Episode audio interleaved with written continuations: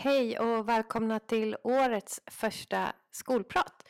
I det här avsnittet så träffar Petter och jag Frida Monsén och Frida hon är utbildad lärare, föreläsare och författare och brinner för hur spelkulturen kan användas för att motivera lärande och utbildning. I avsnittet så pratar vi om vad gamification är, hur gamification kan skapa struktur i skoldagen och vad som händer med elevernas syn på lärande och ansträngning när vi arbetar gamifierat. I samtalet så nämner vi kunskapsporten och loggboken vid flera tillfällen och det här kräver ju en förklaring. Kunskapsporten det är Kunskapsskolans digitala plattform där bland annat en stor del av elevernas läromedel återfinns. Och på Kunskapsporten finns även elevernas digitala loggbok där eleverna planerar in sina lärandemål, arbetsmål och strategier. Vi nämner också en Adam vid några tillfällen och då syftar vi till Adam Palmqvist som är lärare, föreläsare, författare och doktorand i informationsteknologi på Högskolan i Skövde. Hans forskning är ett samverkansprojekt mellan Högskolan i Skövde och Insert Coin där Frida då jobbar och berör hur gamification kan appliceras i olika kontexter för att öka engagemang och arbetsglädje. Avslutningsvis så vill vi också nämna att ljudet i detta avsnitt är lite burkigt, men vi hoppas ändå att ni kommer att uppskatta avsnittet. Nu kör vi!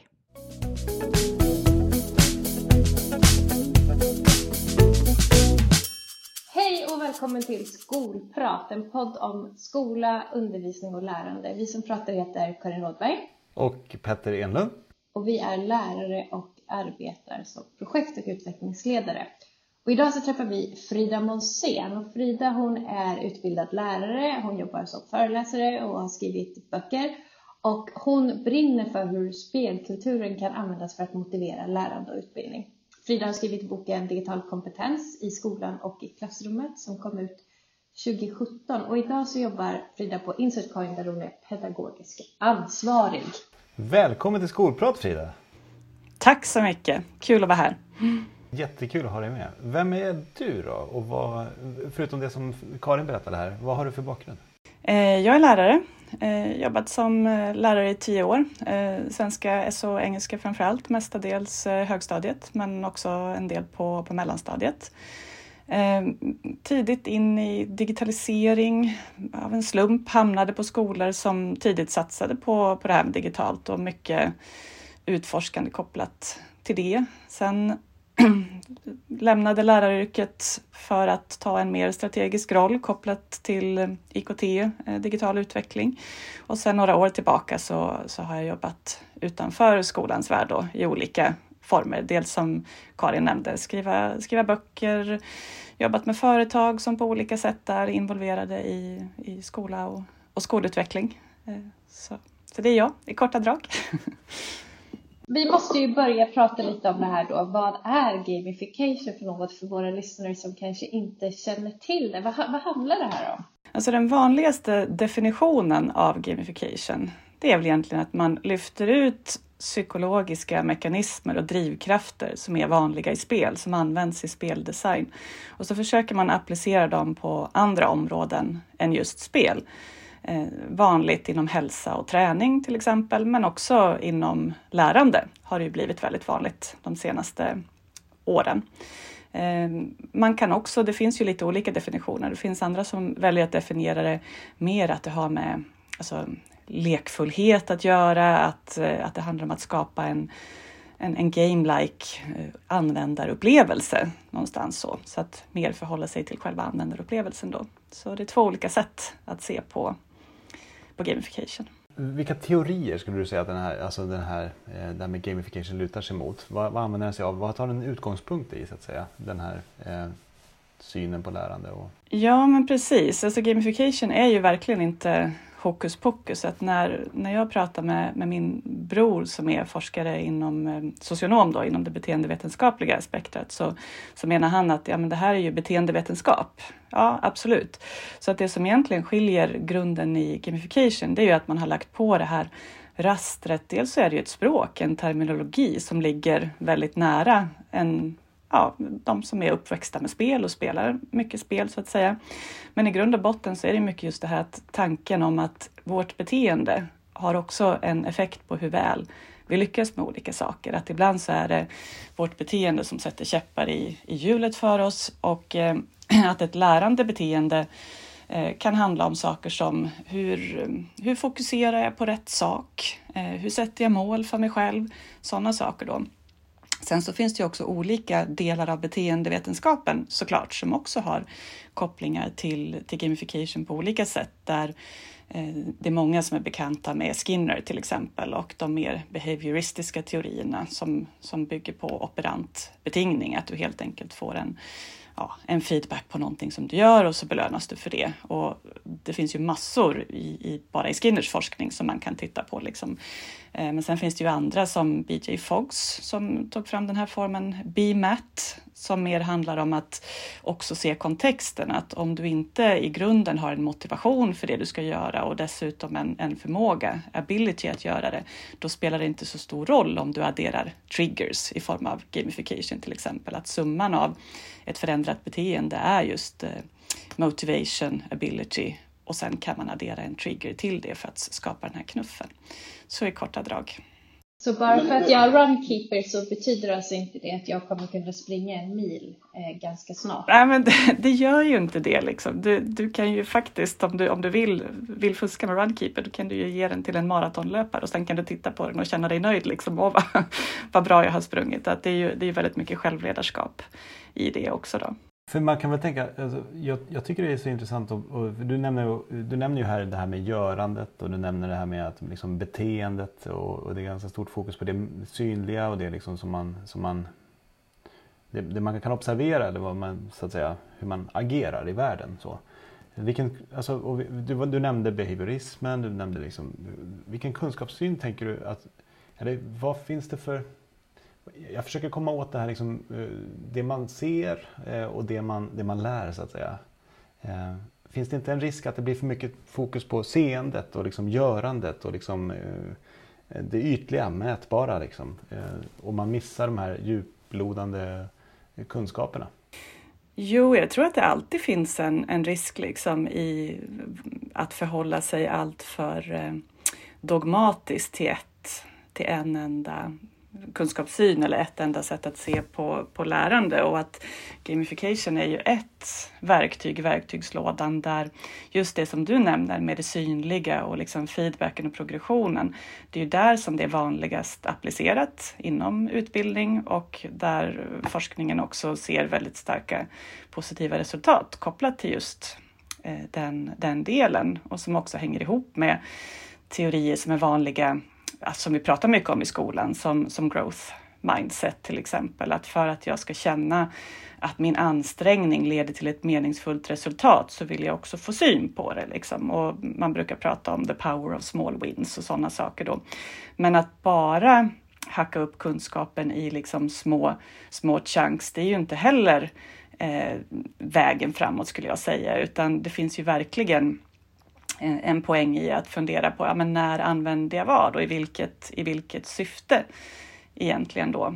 Ehm, jag har ju personligen använt det, använt det mycket kopplat till förmågor och, och skills till exempel och jobbat mycket med snarare ja, men, som metodstöd och djup, djupinlärning. Eh, så. Men för att man ska komma dit så behöver man ibland jobba med kontexten.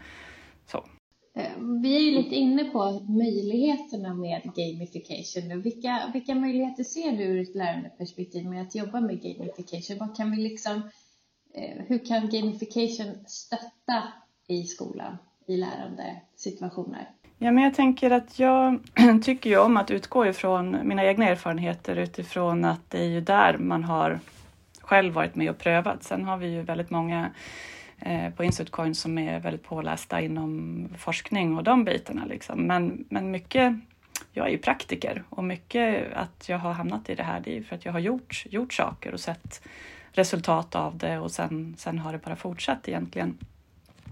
Så, så just det här med att skapa, att skapa en, en... Jag ser just den här kombinationen av att jag tror också som, som jag tänker att alla lärare egentligen känner att, att motivation för kunskap ska komma inifrån, liksom, att vi ska lära oss för, för själva lärandets skull. Men att ibland så är kontexten sån att, att jag kommer inte dit ändå, för det är så mycket andra saker som stressar mig runt omkring och oavsett så ja, men jag har inte den där inre, inre motorn helt enkelt. Och det som jag har jobbat mycket med då, det är att skapa ett ramverk runt omkring skoldagen, att använda gamification och, och psykologi för att sätta den här strukturen runt omkring som har gjort det lättare för eleverna att fokusera på det som faktiskt är viktigt. Att få syn på det som är kärnan i det, de, i det de ska göra i skolan, det de behöver lära sig och sen ge feedback på själva, själva processen runt omkring. Vilket i sig då har gjort att i början så kanske den här spelramen är jätteviktig. Så, men vart eftersom eh, klimatet förändras, vart eftersom elevernas eh, dynamik förändras och så vidare, så blir ju det mindre viktigt för att de kan då se effekten av hur blir det när jag gör på det här sättet istället? Och det i sig triggar den inre motivationen. Så att någonstans att ha gamification som en extern motivator för att på lång sikt eh, kunna trigga det som, som faktiskt gör att man fortsätter eh, framåt, skulle jag säga. Så det vill liksom trigga elevernas eh, grit, eh, uthållighet, planeringsförmåga? Är det sådana spelplaner du tänker? Eller liksom, är det de beteenden eller vad säger de förmågorna kanske snarare som vi vill trigga, jobb, utveckla för att de sen blir liksom automatiserade eller vad man ska säga. Eller åtminstone bättre, bättre själv, självledare skulle jag säga. Mycket av det som är framtidsförmågorna på Kunskapsskolan är ju sånt som, som jag har tittat mycket på. Hur kan vi synliggöra det här? För att där min bakgrund liksom som, som lärare, där har vi också haft väldigt mycket fokus på personlig utveckling och lära att lära. Men det här har framstått som väldigt abstrakt för eleverna. Alltså, oh, jag har suttit i, i utvecklingssamtal och så har, de, så har jag sagt, ja men hur gör du för att lära dig? Vadå? Ja men lära att lära. Vad ska jag skriva? Säg vad jag ska skriva i rutan, säger de så här. Och så det blir inte så, eller personlig utveckling. Men när vi började prata mer i termer av spel och och skills utifrån så här, ja men för att lyckas med det här, vilka skills behöver du levla? Eh, och sen vad är det för monster och vad är det för blixtar som, som stör dig under din skoldag? Eh, då blev det genast jäkligt tydligt för, för alla vad det handlade om. För att nästan alla har haft någon form av relation till en spelavatar som behöver lära sig någonting och då behöver man utföra vissa uppdrag och man behöver samarbeta i grupper och så vidare. Liksom. Så det är mycket den, den dynamiken som ligger till grunden för... Jag vet att kunskapssyn är väl egentligen något mer akademiskt, men för mig så handlar det väldigt mycket om att ta med sig de erfarenheter som eleverna har från spelvärlden och se hur kan jag använda det här på ett positivt sätt i en, en lärande kontext. Här, här, ja, men jag, det här triggar ju mig lite grann, alltså med, när du säger blixtar och drakar och avatarer och eh, liksom levla och skills och alla de här orden som är för mig förknippade med lek. Eh, och för mig förknippade med, med väldigt mycket liksom, jag har ju spelat mycket tv-spel och tycker om det och tycker om att spela spel och sådär. Eh, men men jag, jag har stora problem med att se hur det liksom faktiskt är någonting som ska in i skolans värld. För att där tänker jag att det förtar fokus från undervisningen. Eh, det förtar fokus från kunskapen i sig. Eh, och jag, jag, är, jag, tror ju att man kan utveckla kunskaper och förmågor parallellt. Eh, och jag tror att man absolut behöver vara motiverad för att lära sig någonting överhuvudtaget. Eh, frågan är, bör vi använda den där typen av tricks i skolan för att motivera våra elever? Eller bör vi låta bli? Om jag ser positiva resultat på mina elever, bör jag göra det då eller inte? Vad tycker du?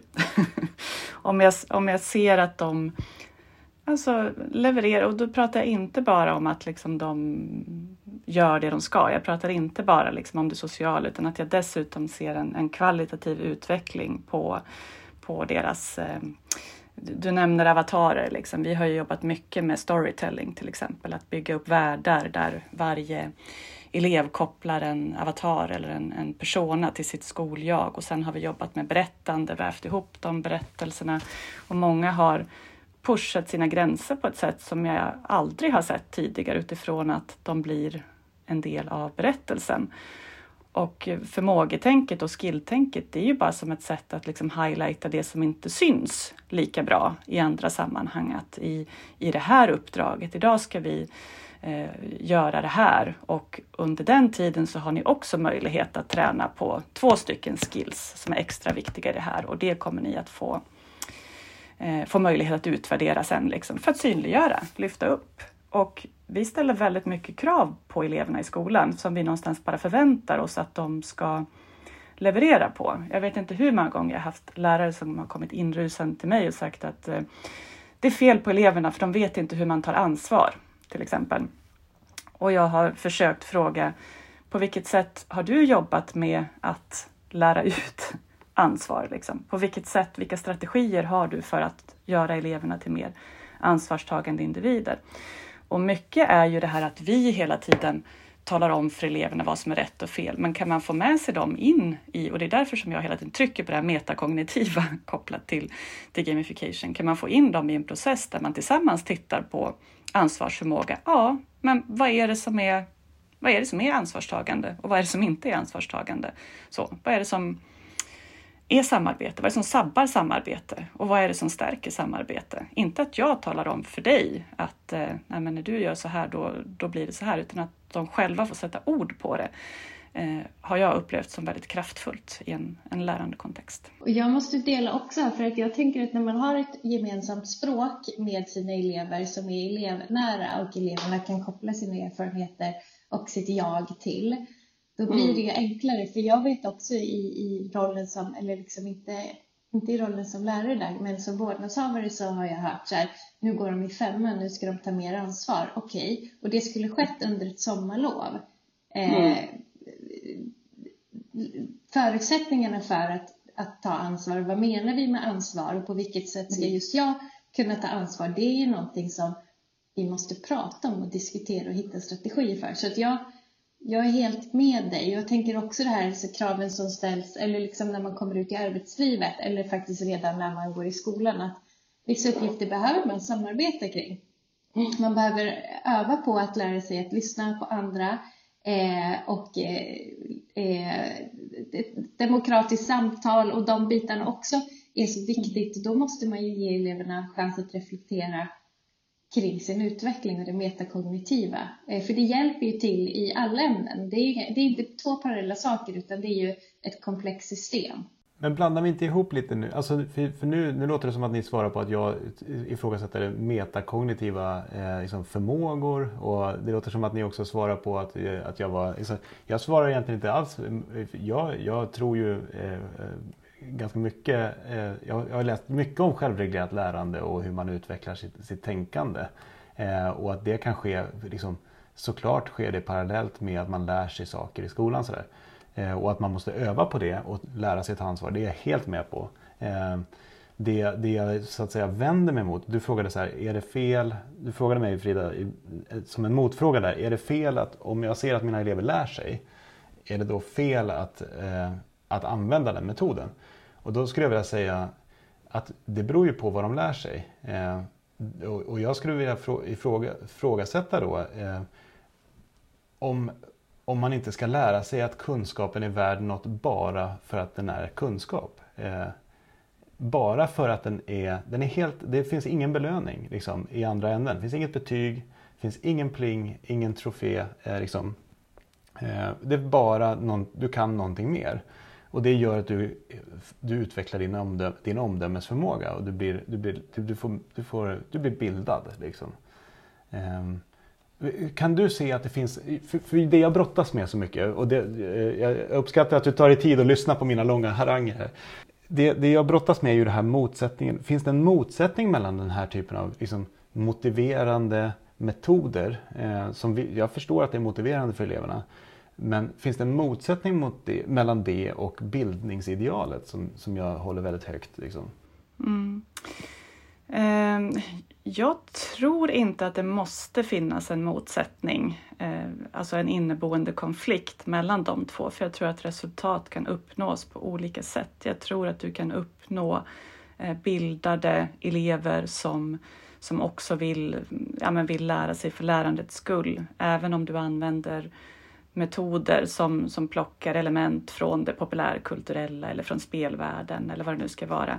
Däremot så tror jag inte på för det som du återkommer till lite när du beskriver gamification, det är ju det här eh, plinget och belöningen och trofén. Och för mig är det bara, för mig är det bara en, en liten del i gamification-boxen. Liksom. Det, det, jag har ägnat mig ganska lite åt just det. Det, är ju, det har ju mer med mjukvaruutveckling och liksom när man lägger på den här tekniska aspekten och då får man ju en dimension till såklart. Hur ska vi tänka kring det här? Liksom, det är många matteappar till exempel. Jag vet, ja, det finns ju en mängd appar som använder sig av det och språkappar som Duolingo och så vidare som bygger på, på det. Så, så, så jag skulle vilja hålla, hålla det lite, lite, diskussionen lite större än så. Och sen så tänkte jag också på, också på nu blir det min harang här.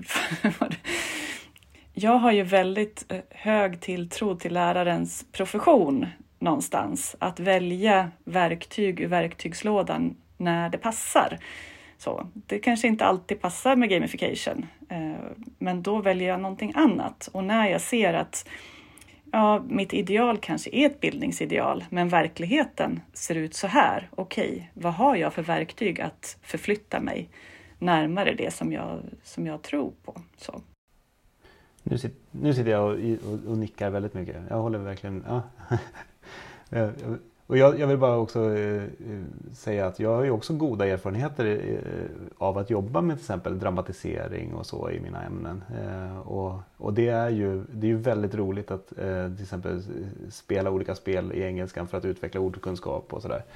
Eh, så att, eh, ja men eh, Antal roller till exempel för att utveckla. Jag, jag, jag läste någon, eh, eller jag hörde om en studie som, som tog upp det där med avatarer. Att, att om man eh, väljer en avatar som till exempel om man väljer professorn eh, och spelar professorn. Då ställer, man, då ställer eleverna mer eh, ingående frågor och eh, utvecklar sina svar i högre grad. Det där är ju så sjukt intressant. Om man tittar på det som du säger där om professorn och de bitarna, det stämmer så väl in med den bild som jag också hade när vi spelade sådana spel. Att människor valde ju någonstans en avatar som förstärkte saker som de själva önskade utveckla mer. Och det finns också vissa studier på World of Warcraft som visar på att det kan finnas väldigt mycket empowerment i det. Jag tänker också på den här berättelsen om den här norska pojken som var rullstolsbunden och eh, spelade World of Warcraft och, och var liksom en stor, stor hjälte, där han var en klanledare i det här spelet och han dog Eh, tidigt av en sjukdom. Han var nog bara 13-14 år när han gick bort och hans föräldrar visste ingenting om det livet som han hade i spelet. Men då helt plötsligt började det plinga in mail för då hade han uppgett som sin kontakt om jag inte kommer tillbaka i spelet så kan ni kontakta den här personen. Så hans pappas mailkorg bara fylldes av mail från personer som ja, som undrade vart han var och som sen och på begravningen så kom det då folk från, ja, men från Europa och alla möjliga ställen liksom och föräldrarna sa att de, om de hade förstått liksom, att han hade haft den här världen och vem han var i den världen så hade de inte varit lika ja, men oroliga för hans, ja, det liv som de såg. Liksom. Det fanns så stor del av det han gjorde som de inte såg. Det blev en lång utvikning kände jag. Men, ja, men... Mm. Nej, men han, just den här att anta en roll, liksom, att, vara, eh, att, att vara mer än den man är i, i sin fysiska person på något vis. Eh, och, och, ja. Ja. ja, och få möjlighet att testa gränser. I, jag har haft elever som tidigare inte har vågat prata inför publik, men som i rollen av en, en borgmästare har kunnat gått upp och hålla ett kick-ass-tal på engelska inför hela klassen för att det var något annat. Och sen helt plötsligt, oj, men nu behöver inte jag vara rädd för det här längre. Och då funkar det även i, i andra sammanhang. Så. Det är ju fantastiskt faktiskt det du berättar. Jag känner igen från gymnasiet, då fick man olika roller så skulle man gå upp på scen i någon svensk kurs. Eh, mm. också. Det, och liksom, det, var ju, det var ju jätteroligt. Fast det är typ 20 år sedan eller mer. Men jag håller på och läser Adam eh, Palmqvists bok om motiverande undervisning, att använda speldesign för att skapa motivation. Eh, mm. och då talar ju han, han skriver om fyra så här, grundpelare. Och jag kände mm. bara, ja men ja, när jag läste det här så här. Det handlar om målsättning, att vara tydlig med det, att det ska vara tydliga regler, en tydlig återkoppling och ett socialt sammanhang. De fyra grundpelarna är så viktiga och det tänker jag så här, det är det som gamification är bra på men det är också det som vi strävar efter i klassrumsmiljö att hela tiden mm. och lyckas man med de här fyra grundpelarna då har man rätt trygga eh, elever i klassrummet som vågar utmana sig själv också. Mm. Så, det, så att eh, det, det tyckte jag var intressant. Jag har inte hunnit läsa hela boken än men jag satt här i fredags och kände mig lite lycklig när jag läste. Och, och där, det återkommer till det som jag sa i början, att gamification är inte hokus pokus. Liksom, utan jag vet att jag och Adam då som, som jag också jobbar med oss på, på Insert Coin, satt och pratat med Per Kornhall någon gång. Vi var ute på en, en gemensam sån föreläsningsturné och, och, Per sa ju också, nej men det som du pratar om, det är ju bara bra pedagogik. Det har väl ingenting med gamification att göra. Så här, fast ja, det är lite ibland också så här, vad är det för dräkt som, vad är det, ja, vad är det för för raster som är på då, vad gör det med vår förståelse av ämnet? Ibland så kan jag tänka att vi kanske inte skulle prata om gamification för att det ordet har en, en viss laddning med sig som gör att folk automatiskt tänker på pling och, och bollar och liksom så.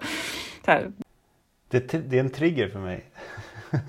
ja, ja nej men, och, och, och, jag fattar det och jag har varit med om det flera gånger liksom och för och jag, tycker det, jag vet, jag hade ju en ambition någon gång tidigare att vara med och vända på det här. Vi ordnade bland annat en, en stor konferens kring gamification i arbetslivet som, som vi kallade för Gamify Us och där vi hade mycket fokus på mer så game design thinking och speldesign tänkande och så vidare. Just mycket föreläsare som kom in med mer beteendevetenskapliga perspektiv och sånt där. Men jag tror att jag var lite tidigt ute. Det är ofta så att, att Ja, men, och det, de här principerna som du, som du nämner också, eh, tänker med berättelser och eh, eh Daniel, Daniel Willingham har skrivit en bok som heter Why Don't Students Like School som är en ganska rolig eh, text. Han, han är en kognitionsforskare eh, och där tar han upp just det här med att, att, att göra en berättelse av lektionen Eh, som, en, som en grundläggande eh, princip för hur människor vill komma ihåg och eh, kommer ihåg saker. Alltså, man sätter in det i en berättelse så kommer man ihåg det på ett helt annat sätt än om man inte hade det i en berättelse. Eh, så att eh, kontext som, du, som vi har nämnt flera gånger och att liksom se saker i ett sammanhang och att liksom vara en del av en historia. Liksom, det, det är kraftfulla verktyg såklart. Ja. Mm. Jo, ja, men och det sociala, det kommer in på så många så många plan. Liksom, att oavsett vad det är för typ av verktyg som jag använder och hur det är upplagt så grunden är ju ändå vem bryr sig om det jag gör. Så finns det någon som, alltså ja, den, det sociala, sociala samspelet och eh, interaktionen med lärare eller klasskamrater och de bitarna är ju fortfarande det som måste ju också finnas på plats. Så att säga. Ja, men precis när vi pratar om det sociala eh, samspelet med läraren, vad blir lärarens roll i det här? Nu har ju vi på Kunskapsskolan och Kunskapsgymnasiet börjat nosa lite på gamifiering, gamification. Eh, vi håller på att testar på våra skolor kan man väl säga. Eh, mm. men, men vad blir lärarens roll i det här? Vad, och vad behöver läraren kunna förstå eller kunna och förstå när, när vi när vi gamifierar? Mm, ja, men precis, för att det är ju en, en specifik del som vi egentligen har tittat på en process och precis som i alla andra sammanhang så handlar det om att fundera på ja, men vad, vad är syftet med det här? Varför ska vi varför ska vi gamifiera just den här processen? Och bakgrunden där är ju att man vill skapa van, vanor, att skapa en form av vaneloop och struktur. Så det, det är en annan del av gamification-elementet egentligen då. Eh, och som lärare eh, egentligen så finns det ju ingenting som du behöver göra. Det, det är inte så att du måste göra någonting, men om du vill förstärka elevernas arbete med loggboken kopplat till de här delarna så kan man ju använda det som ett sätt att i till exempel PH-samtal eller i utvecklingssamtal, de bitarna utgå ifrån det här och prata utifrån till exempel milstolparna och se hur ser din rutin ut och så sen att man också tittar på det eleverna faktiskt skriver i loggboken. För i, i kunskapsporten så som det är också det så här en, en, teknisk integration är ju alltid baserad på vad kan man göra här? Och där är det ju väldigt svårt att titta på det kvalitativa. Det är ju fortfarande läraren som behöver vara den som någonstans uppmärksammar. Kolla, Karin har skrivit en superfin utvärdering den här veckan eller liksom de bitarna. Så om inte den biten finns på plats då kommer, det ju, då kommer ju inte gamification göra liksom jättemycket skillnad skulle jag säga. Eh, sen är det lite spännande, jag har ju träffat några av elever som, som, som har, ligger mer i extremanvändarsegmentet, eller vad man ska säga.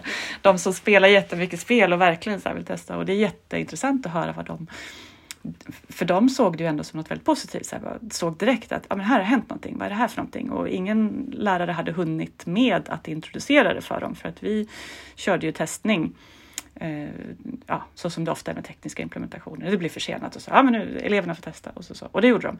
Eh, och såg direkt att ja, men här är det någonting, här finns, finns en profil och här kan jag gå in och aha, det finns levels kopplat till det. Undrar vad undrar vad jag kan göra för att få poäng och började utforska loggboken då väldigt systematiskt. Jaha, om jag lägger till en strategi och på ett sätt så är ju det en vinst i sig när det är den typen av elever som då använder det som ett undersökande verktyg kan jag tycka för att på, på sikt liksom, ja, få bättre koll på men vad kan man göra i loggboken egentligen.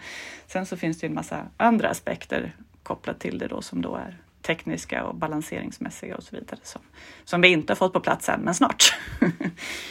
Jag har ju hört dig prata om den här eh, kurvan liksom där vi är olika personligheter och hur vi tar oss an nya saker. Eh, mm. Kan inte du prata om dem? Det är fem olika, sen är man ju ingen endast, man är ju någonstans däremellan. Men jag, innovators, vad, vad var det nu? Ja, absolut. Jag vill säga till Petter då innan han... det är inte färger, det är inte, inte personlighetstyper, utan det är eh, spelartyper, hur vi interagerar i en spelkontext. Att vi har olika sätt att, att ta oss an eh, spel egentligen. Bra. Du förutsåg kritiken. Ja. Så, nej men precis. Och eh, i grund, de första ursprungliga fyra spelartyperna, om vi ska ta det den vägen då, så var det ju en professor som hette Richard Bartle som tog fram fyra grundarketyper. då. Eh, men den som jag brukar använda är en förlängning utav det som är framtagen av en gamification-teoretiker som heter Andrei Majtjevskij, eh, som har ägnat mycket tid åt att liksom, ja, men undersöka det här med eh, spelar, spelartyper. Och eh, då finns det sex olika typer. Eh, och många tror att går man igång på det här med gamification eller spelartyp, då designar man för den som är player. Och det är den som ofta eh, snabbt vill lära sig hur, hur funkar det här spelet? Vad ska jag göra för att samla poäng? Hur kan jag vinna? Och som också blir ganska sur om reglerna bryts, om man märker att det finns loopholes i, i det. Så här, bara, ah, men vad fasen, det går ju att fuska. Så. Och, så. och den här spelartypen utgör väl ungefär 10 procent av alla spelare skulle jag säga. Och sen så finns det en som då är mer socialt orienterad, som man då kallar för socializer, som egentligen är i spelet främst för att interagera med andra människor. Och om man då ska tänka speldesign, vare sig det är gamification eller vilket spel som helst, då handlar det mycket om, för att möta den målgruppen så måste man då addera element av social interaktion. Alltså alla sociala communities som Facebook och Instagram och så vidare bygger ju på den typen. Och det är en väldigt vanlig, vanlig liksom, spelar, spelartyp. Sen så har vi mer av Free Spirits eh, som går igång på kreativa lösningar, utmaningar, eh, Minecraft, klockrent exempel.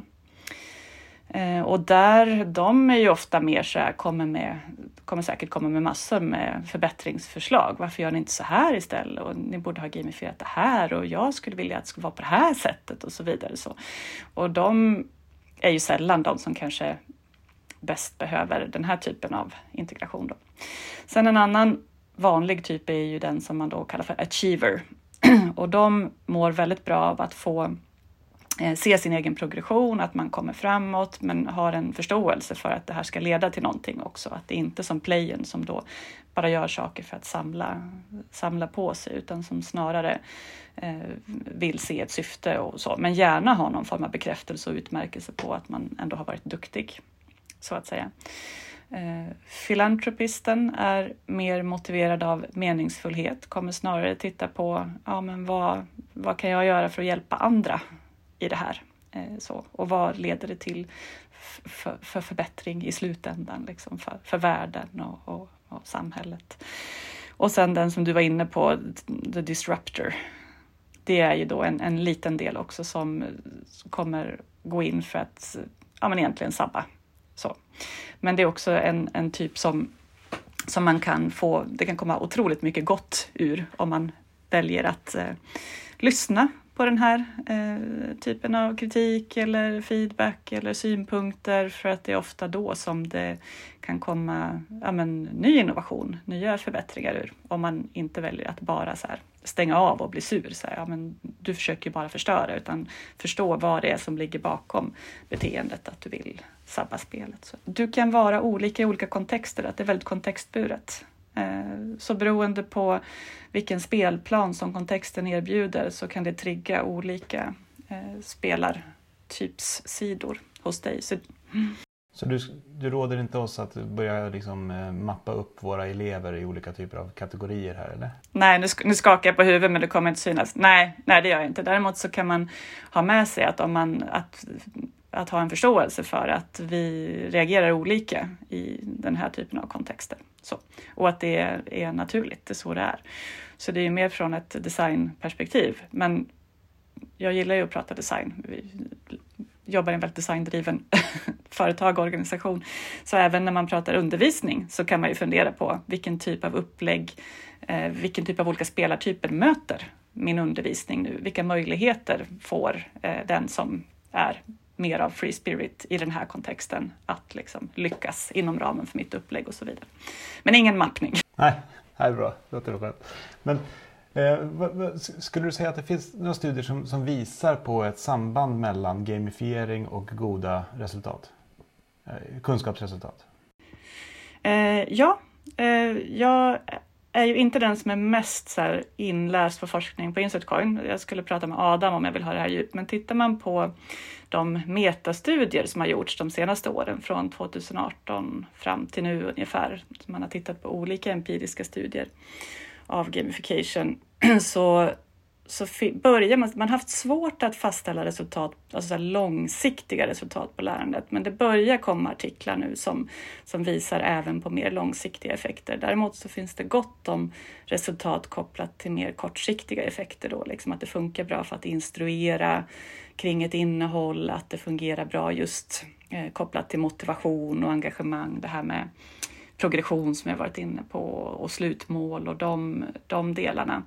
Och man ser också väldigt positiva resultat till det som vi har pratat mycket om med social, alltså den här kombinationen av socialt och ett visst mått av tävling. Kan man få in dem, det här igen, ja då möter man flera olika eh, spelartyper och så vidare.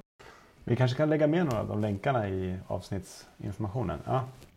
Absolut. Jag, jag delar, delar gärna Eh, gärna dem med er. Eh, tack, vad, vad bra. Det känns alltid tryggt att lägga med eh, en del sådana eh, hänvisningar tycker jag. Och till ditt försvar, jag tycker, eh, jag tycker du, känns, du, du verkar väldigt inläst på, på forskningen om jag får göra en lekmannabedömning. Eh, tack för bra svar. Dina tre bästa tips nu då, eh, som du vill skicka med våra lyssnare utifrån det vi har diskuterat idag eller kring gamification, lärande och undervisning? Eh, nej men då, då skulle jag nog eh, tipsa just det här med att an, testa storytelling, avatarer och är ni nyfikna på hur man kan jobba med skills kopplat till avatarer för att eh, ja, använda mer utav speldynamiken och det här med levels och sådana saker så, så har jag jättegoda erfarenheter av det så att det är min, min personliga eh, rekommendation i så fall. Mm. Är det något boktips också? Har du något boktips som du vill eh, dela med dig av? Eller något litteraturtips? Forskningsstudier är bra, eh, men jag tänker också att det kan vara härligt med någonting annat. Eh. Mer konkret, eller inte konkret, mer praktiskt. Ehm, ja, Adams böcker givetvis. Men sen så, och jag är ju så dålig på det konkreta. men jag har läst en som jag tycker väldigt mycket om. Det är en australiensisk forskare som heter Dr. Jason Fox som har skrivit en bok som heter The Game Changer. heter den. Uh, how to use the science of motivation with the power of game design to shift behavior, shape culture and make clever happen. Heter den. den tycker jag väldigt mycket om. Han är dessutom en uh, väldigt uh, ja, men bra person. Jag har lyssnat på honom flera gånger. så. Och sen, det här är inte direkt gamification, men Alva Appelgrens Motiverad skulle jag också rekommendera om man vill koppla mer av de här kognitiva teorierna till, till det, man, det man gör. Och sen så vet jag att jag tipsade dig förut också om Felix Serau om man vill ha något väldigt mer så här eh, mer klassrumsnära. Den är ju mycket fokus på Minecraft men han resonerar också väldigt klokt kring spel och spelkultur och hur man kan få in det eh, på ett bra sätt. Den, den, står i bokhyllan och väntar på att bli läst. Men vi lägger lite länkar på boktips.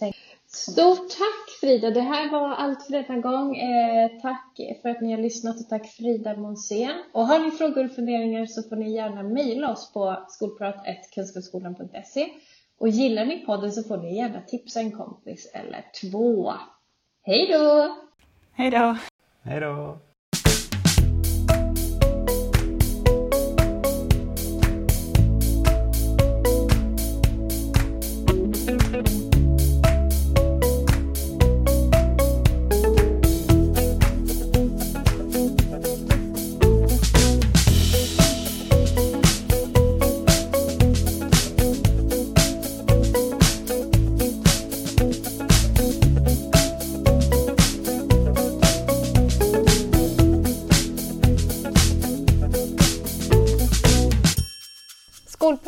Podd om skola, undervisning och lärande med oss Karin Rådberg och Petter Enlund, projekt och utvecklingsledare på Kunskapsskolan. Tack för att ni lyssnat!